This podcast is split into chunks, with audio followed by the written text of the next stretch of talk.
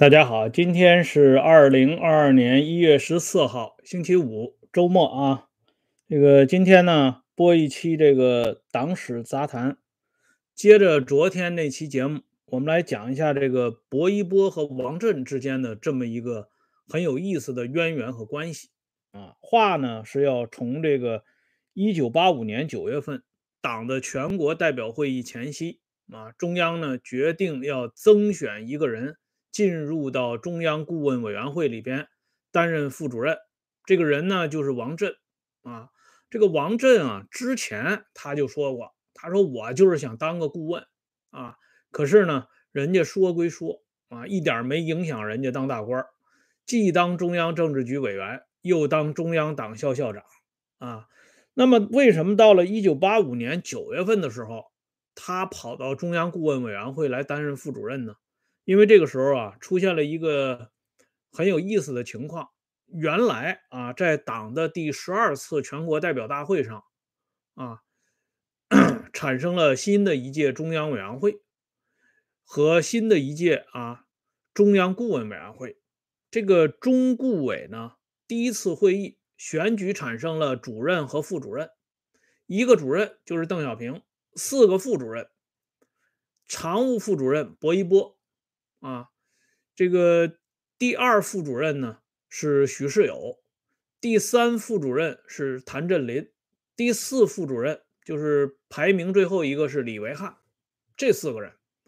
那么这四个人里边呢，最早啊去世的是谭震林，一九八三年。其次呢，其次是这个李维汉，一九八四年。再接着就是一九八五年十月份，许世友也去世了。所以，这个一九八五年九月份召开党的全国代表会议前夕的时候，这许世友这人已经在医院了，啊，所以这个中央考虑啊，这中顾委不能就练这两个人呢，一个邓小平主任，一个副主任薄一波，这个不行，必须得再选进来一个人。那么这个人呢，就是王震，哎，王震就是这么被提议进入到中顾委里边的。那么人家薄一波呢，在十二大或者叫十二届一中全会上，人家就已经是中央顾问委员会常务副主任了，排名第一了。那王震进来以后呢，理应该排在薄一波的后边，而且从这个资历上讲，人家薄一波的资历呢，要比王震呢要深一点啊。人家薄一波在这个中央啊第八届一中全会上。人家就已经啊当选为中央政治局候补委员，哎，所以这个王震理应在薄一波后边。可是上次我介绍了啊，昨天的节目说了，这个王震的秘书李慎明后来回忆说，这个文件拿回来以后，他发现啊，王震的名字排到薄一波的前边去了。哎，他就觉得这事儿很奇怪。王震也看出来了，告诉他这件事儿呢是薄一波干的啊。薄一波说什么，呃，也要把这个我的名字放到他的名字前边。这李慎明就不好表态。然后王震说：“你呢，现在啊，就是我们必须要把薄老的名字还要放到我的名字前边。”为什么呢？因为伯老这个人嘛，资历也老啊，而且呢能力也强，党政军文才啊，人家这五个领域里边都拿得起放得下，所以当初人家在山西啊敢跟阎锡山斗，后来呢很快啊就是代替少奇同志担任华北局第一书记，并且很快又进入到中央政治局，哎，所以王震说，我这个资历不能排在。伯老的前边，呃，接下来呢，就这个后来公布这个选举结果的时候，这个王震的秘书李慎明发现，最终的结果还是王震的名字排到薄一波的前面了。啊，这时候呢，王震就讲了，说呢没有办法啊，王震还显着一脸的无可奈何，说因为这是伯老啊坚持这么做的，我不同意。但是伯老说了，我是中央顾问委员会常务副主任，我有这个权利啊，提议你把名字排到我的名字前面。这个回忆到这里呢，王震的这个秘书李慎明还做了这么一个感慨啊，我给大家念一下。王震一脸无可奈何的样子，这就是老一辈见了荣誉谦让的如此的真啊真挚。这个李慎明啊，对王震和薄一波两个人啊，纷纷要求把自己的名字排到别人的后边这件事情。表示非常感动，他认为这是一种谦让，但是呢，这个我们看了一下啊，至少这个邓丽群不这么看。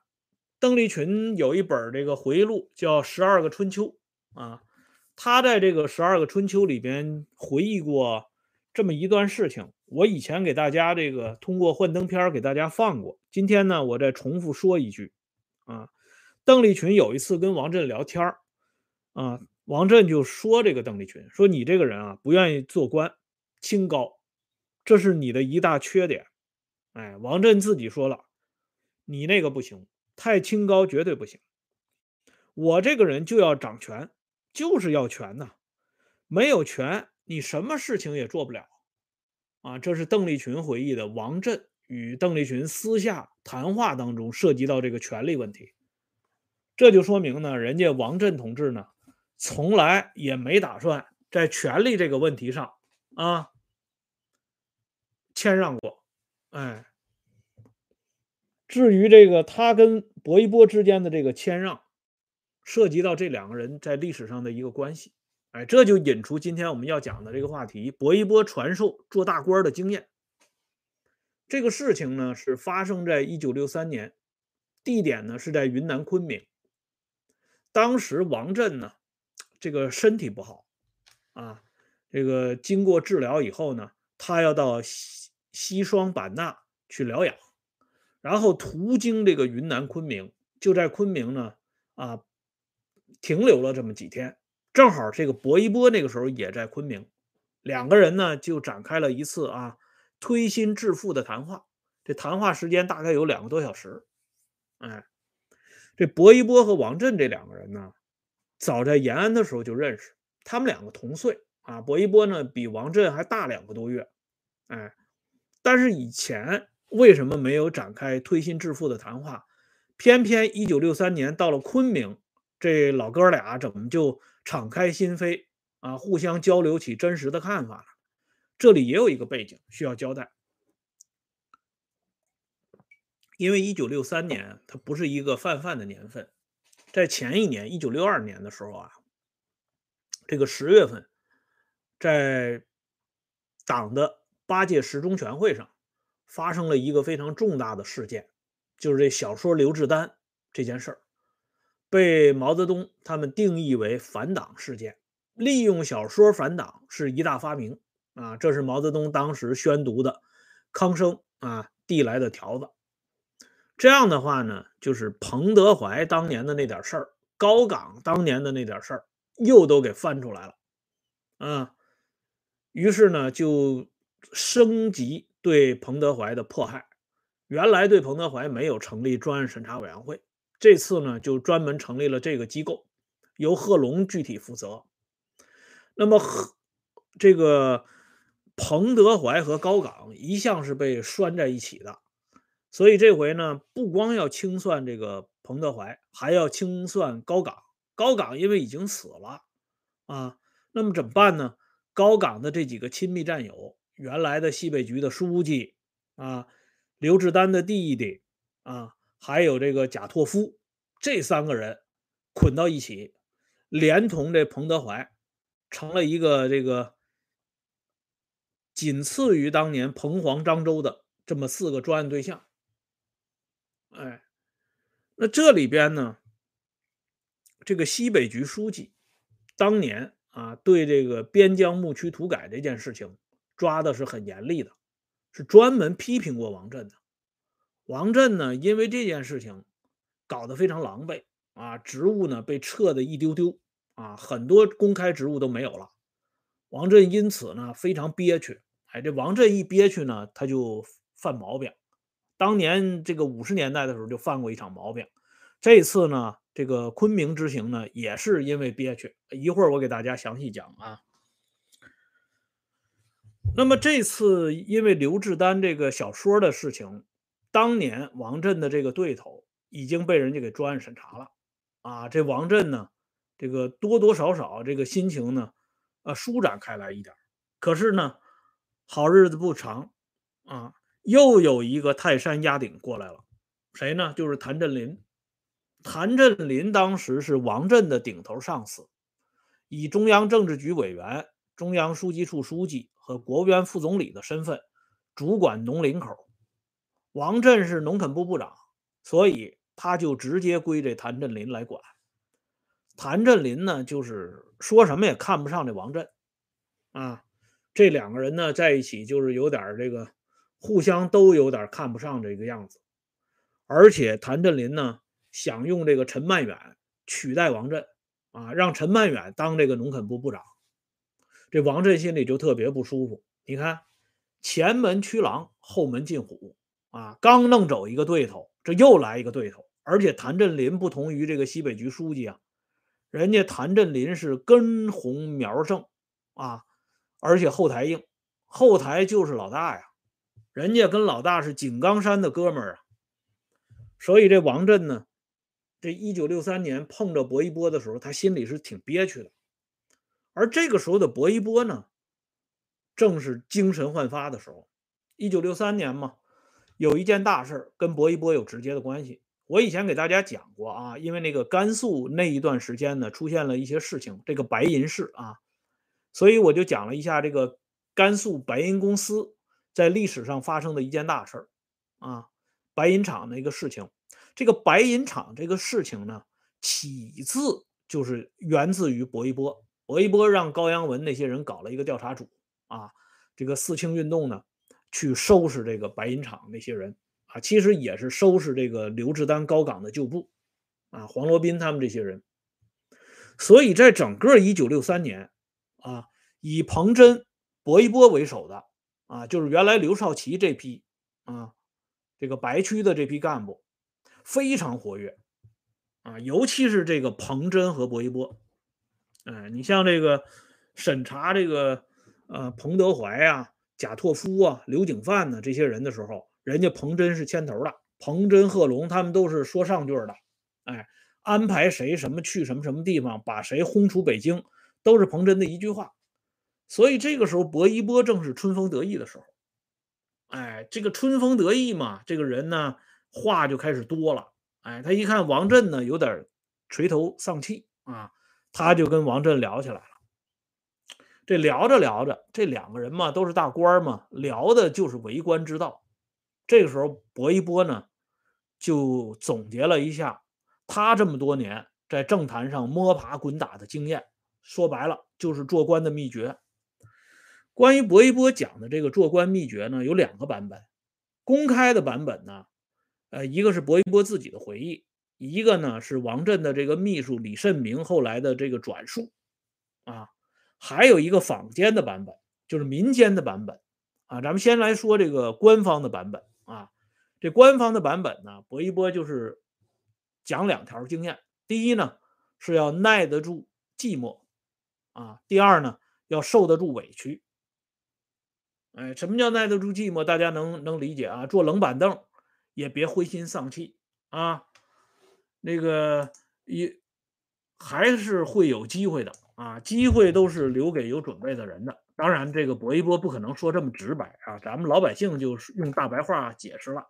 哎，这是耐得住寂寞，那受得住委屈呢？就是说，如果同志包括领导啊对你有了看法。你跟他们之间交流呢，又出现这个故障，怎么办呢？自己呢要受得住这个委屈，别因此呢憋出毛病来。该说说，哎，但是呢该做也得做啊。有些事情呢暂时把它放一边去，哎，往往远了看啊。这是这个当时薄一波给这个王震。宽心时候讲到的这么两个啊为官之道，那么下边呢，我再给大家说一下啊，这个民间的这个版本，民间的这个版本呢是三条啊，前面这两条都一样，受得住委屈，耐得住寂寞。可是第三条是什么呢？是要豁得下脸皮。哎，就是说，你这张脸啊，其实不重要，重要的是里边儿。哎，这薄一波当时还给王震举了个例子，他说：“你看，你领着农垦部这些人到云南搞这个橡胶啊，云南当时嘛，在一九五一年就开始大力发展这个橡胶园。哎，这薄一波就举这个例子，因为这是王震的这个成绩呀。哎，他一说这个容易打动王震。哎，他说：你看，你搞这个橡胶园搞得特别漂亮，就这个橡胶这东西，它就是有这个问题啊。”特别结实，你只有拿这个刀啊，拉那个树，才能把那个乳白呃乳白色的那个汁液呀，才能冒出来。就说人家啊，表面没所谓，里边有内容。这薄一波这么一讲，王震就高兴了。哎，王震觉得这薄一波说的有道理啊。哎，因此呢，这个薄一波就这么讲，哎，告诉王震。眼下这个事儿根本就不算个事儿啊！特别呢，王呃，这个王震呢，听到薄一波还说了这么一句话。薄一波的原话是这么讲的啊：历史不能由他一个人说了算。哎，到底这一个人指的是谁啊？这恐怕只有王震和薄一波两个人最清楚。那么这两个版本，官方的版本和民间的版本，到底哪个更准确？这个恐怕呢要留在将来历史来做进一步的澄清，我们就把这两个版本呢都说出来，供大家参考。这老哥俩呢聊的都挺高兴，可是呢也是好景不长啊。接下来这有个两三年的时间，这薄一波就被打倒了啊，六十一人事件嘛。王震呢，在这个刘少奇他们这些人被打倒之后呢，人家就记住了。一点啊，这个豁得下脸皮，这王震就主动揭发刘少奇、彭真这些人啊，这些人当年如何为非作歹，如何不听伟大领袖的招呼啊，如何啊搞自己的小舰队啊，要对抗中央的政策啊，要走这个资本主义道路等等啊，所以这个毛泽东那个时候就问过周恩来，说王震有没有发言呢？周恩来说王震发言了。发言发的还很好啊，哎，这毛泽东把这个王震的发言稿要来了，噼里啪啦一看，哎，王震读书不多呀，他就讲，王震就读过三年书啊，啊，认识不了多少字啊。王震自己也承认，王震说自己是一个页都没闭过。你是小学呀、中学呀、高中啊，人家从来就没闭过页啊，但是呢，水平高。